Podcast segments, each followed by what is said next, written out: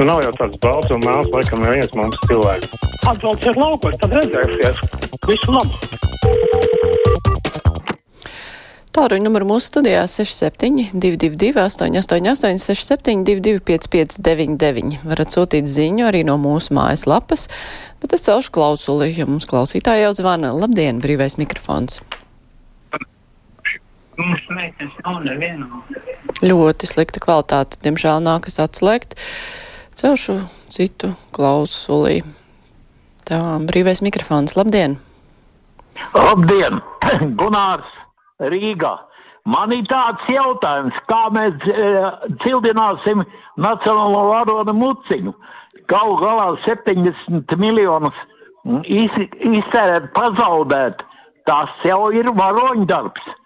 Starp citu, viņš mēģināja arī būt Latvijas mežu, mežu padomē. Labi, ka mežus ne, nevarēja aiztikt. Tur būtu pamatīgi ciršana iztaisījis. Paldies! Jā, paldies par Stradiņu slimnīcu bija runa. Vēl celšu klausulu, labdien, brīvais mikrofons. E Labdien! Labdien. Par nākošo raidījumu, par šiem pasažieru pārvadājumiem, norautiem reisiem. Lai šie pārvadātāji tāpatās kā sabiedriskais autobus izdarīja savā laikā, norāva reisus vispār nost lauku reisus. Tas nekas kā apmēram pie 40 km no e, centra dzīvo cilvēki kaut kur, nu, skaitu nepateikšu, bet simts un vairāk. Un pa ceļām ir vienkārši norāva šos reisus nost un nesot rentablu. Sākumā tas pārvadāja pasažierus uz vienu galu, atpakaļ neņēma, un tad nogriezās nost vispār. Un tā līdz šim brīdim. Šo, šobrīd runāju par kursiem, tas diemžēl tā ir. Un izskatās, ka šie reisi arī neatgriezīsies. Tātad cilvēki tur paliek kaut kādā nolemtībā. Paldies! Jā, paldies par viedokli. Nu, tas ir tas nākamās stundas temats. Tā kā runāsim, skaidrosim, vai ir plāns, kā risināt šīs problēmas. Brīvais mikrofons, labdien! Labdien! Vakar aizliegtajā paņēmienā bija runa par matemātiku skolās.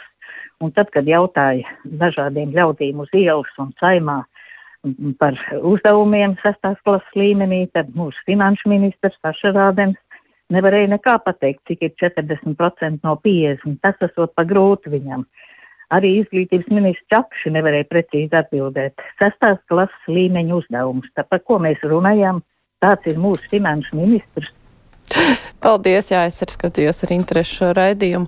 Nu, no vienas puses, ja tā pēkšņi pavaicā kameras priekšā, varbūt viņš apjuka un, ne, un galvenais, lai viņš zina principus, pēc kādiem procentus rēķina, jo ir cilvēki, kur nezina pašus principus, bet ja var sarēķināt kaut uz papīra, tad jau arī būtu labi. Bet kas zīmīgi, tieši kundzes gados viszibenīgāk atbildēja uz šo jautājumu, lai gan bija arī viena jauna meitene, kas atbildēja. Klausītājs zvana. Labdien! Labdien! Labdien. Es, es klausos radio un bija raidījums, kurā tika runāts par uh, cilvēku vienlīdzīgu teiksim, algu par vienu un to pašu darbu starp vīriešiem un sievietēm, kad ir jābūt vienādai šai samaksai. Bet man ir jautājums, ja jau mēs par to cīnāmies, tad uh, kāpēc uh, tad šī atšķirība saglabājas reģionos, kad, pieņemsim, Rīgā ir par to pašu darbu samaksa ir augstāka? Vai tas vispār ir jēdzīgi tagad šķirot sievietēs un vīriešos, ja mēs vispār starp cilvēkiem nevaram nodrošināt, ka šī samaksa ir vienāda?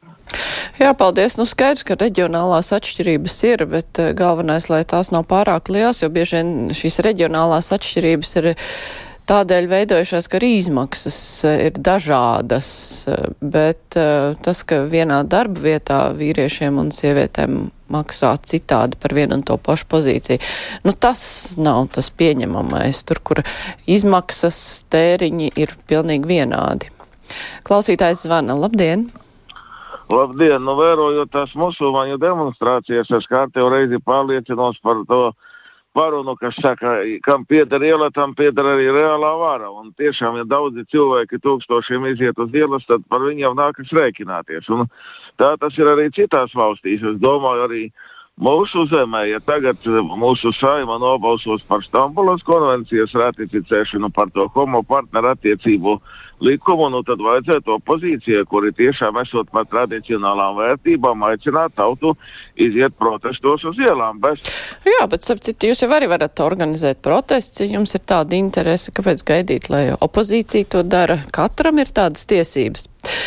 Savukārt Maruta grib, lai beidzot pieņemtu to partneru likumu. Viņai maz dēls ar savu mīļoto puisi dzīvojot Skandināvijā, jo Latvijā tikai sieviete ar vīrieti, lūk, var būt kopā, cik tad nav aizbraukuši, jo mēs te kā laikos pagātnē dzīvojam. Tā, un savukārt viesturs eh, par citu tematu raksta. Daudziem ir neskapēc tādas ilūzijas, Putins nomirs un viss tajā pašā dienā mainīsies. Gribu atgādināt, ka nākamais uz troni ir Medveģevs vai Valoģins, un viņi vēl lielāki cilvēki ādāja par pašu Putinu, tā kā var kļūt tikai sliktāk, kaut sliktāk vairs būt. Šķiet nevar. Nu, tur ir tiešām grūti pateikt, kurš ir par kur sliktāks, jo tur visus varētu likt vienā rindā klausītāja, klausītājs Andris raksta, mūsdienās dzīvot laukos ir ekskluzīvi. Katram pašam jāizvērtē, vai šādu ekskluzivitāti var atļauties. Ja nevar atļauties, tad gribot vai negribot, jādodas dzīvot uz tuvāko reģionālo pilsētu. Nu, jā, diemžēl tā varētu arī uzskatīt dažkārt, lai gan labi, tik tālu, man liekas, mēs neesam aizdzīvojušies. Klausītājs zvana, labdien! Labdien! Labdien! Te Andris pats traucē zinātņu doktors un zemnieks reizē, un man vakar tas aizliegtais paņēmiens pilnīgi aizrāva par to matemātiku. Bet redziet, ka zemkopības ministrijā es esmu atklājis, pateicoties administratīvai tiesai, ka turpat izmanto datu apstrādēji pilnīgi matemātiski aizliegts paņēmiens. Nu, pa, piemēram, ja jums ir jāsaskaita fermā esošie objekti, jūs nevarat skaitīt kopā aitas ar akmeņiem. Jāskaita atsevišķi raitas un atsevišķi aitas, akmeņi, bet viņi skaita visu kopā, pēc tam rēķina kaut kādus vidējos, salīdzina un tā tālāk. Nu, šajā gadījumā komiski ir tas, ka viņi salīdzināja un tā nu, novērtēja zinātniskos projektus, un pretī viņiem ir zinātnieki. Un zinātnieki čet, četrās administratīvās tiesās pierādīja, un, un pēc administratīvā tiesas uh, slēdziena, ka viņu lēmumi ir nelikumīgi. Respektīvi, izmantojuši nelikumīgas matemātikas metodas. Nu, nēsošas metodas, pašu izdomātās. Paldies! Jā, paldies par zvanu. Toms e, īsti netic e, datiem, ka ir tādi dati par algu atšķirībām starp vīriešiem un sievietēm. Kur tādi ir, viņš prasa. Skolotāji saņem neatkarīgi no dzimuma, pārdevējiem un policistiem tas pats, deputātiem tas pats. Kuras tad ir tās ļaunās darba vietas? Nu, ir tādas darba vietas, kur jau pat uh, ir valstiski noteikts likmes par darba slodzēm. Uh, nu, tur, protams, to atšķirība nav, bet ir pietiekoši daudz tādu darba vietu, kur ir atšķirības. Agita raksta, es gan domāju, ja ļautu Ašrādenam kaut minūtīt padomāt, viņš būtu precīzi atbildējis. Viņš taču lieliski saprot, kāds skandāls būtu, ja finanšu ministrs atbildētu nepareizi. Nu, es arī tā domāju, jo tā, tā ka pēkšņi paprasa ar kameru sejā cik ir eh, procenti no kaut kāda skaitļa, tad skaidrs, ka var apjukt uz to brīdi un ļoti, nu, tieši tā pateikt nepareizi būtu vēl trakāk. Un tāpēc ja mierīgā veidā gan jau, ka viņš atbildētu. Klausītājs zvana, labdien! Halo! Labdien, esat ētrā! Es gribēju eh, runāt par uh, tiem notikumiem Rēzeknī. Man liekas, ka eh, tas ir organizēts vispār pasākums, jo nevar taču eh, viena eh, pilsētas padome pieņemt tādus likumus, ka nepietiek naudas līdz eh, gada beigām. Bet kurš to ir es organizējis, domāju, jūsuprāt? Kurš to ir organizējis? Kāds no malas vai tomēr doma pati ir pieņēmusi šāds lēmums? Es domāju, ka, ka tas ir Putina mazais uh, gājiens. Vienkārši iedomājieties, ja divus mēnešus gada beigās nebūtu cilvēkiem algas, ne, ne, būtu jāpārtrauc bērnu dārza darbība, teiksim, kāds sašutums būtu cilvēkos, Un, un, un, un kā, nu, kā, kā lai saka, nu, cilvēki būtu uztraukušies, viņi būtu dusmīgi, viņi, būtu, viņi labātu valdību un Latviju līdz ar to kā kopīgi, ja, ka mums nav kārtības. Es domāju, ka tas vienkārši, lai šķeltu cilvēkus un lai kūdītu, lai Latvijā būtu kaut kāda nesaticība starp, starp pašiem latviešiem, jo nu, Rēzekļas pilsētā tāpat taču ir Latvija un latvieši ne jau uh, krievi vien tur dzīvo. Es... Jā, jā, paldies, es, es pārtraucu, bet es domu sapratu. Nu, man nešķiet, ka tas ir tik sarežģīti, jo tādas lietas un nesaimnieciski rīkoties var arī bez Putina palīdzības, bet jā, paldies par viedokli. Tas es tā nebiju iedomājusies, ka varētu būt. Klausītājs zvana. Labdien!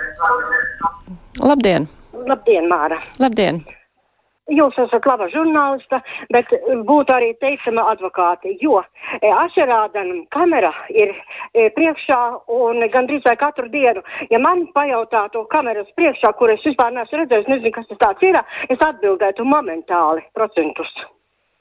Jā, ne, es ticu, ka jūs atbildētu, un tur arī bija cilvēki, citi, kur atbildēja un zibenīgi atbildēja, bet, nu, visādi var būt. Piemēram, man, ja ar kameru pēkšņi kaut ko prasītu, es arī varētu apjukt, lai gan esmu it kā pieradus pie kamerām, visādi var gadīties, cilvēki ir dažādi.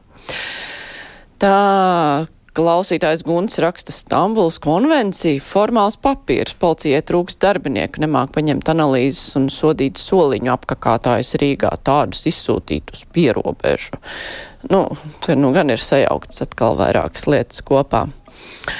Tā klausītājs Atis ierosina jāliek kaut kāds pīkstulis, kad gari runā, lai zina, ka vajag īsāk citāti. Cits tik gari runā. Nu, dažkārt gadās, bet, lai nonāktu līdz domai, dažreiz ir jāparunā arī garāk un jāuzklausa cilvēki. Tā klausītājs Guns raksta, Ašrādens ir kā vienotības līderis, viņa partijas biedrs Iliņa premjera. Kā sazinās finanšu ministrs ar premjeru?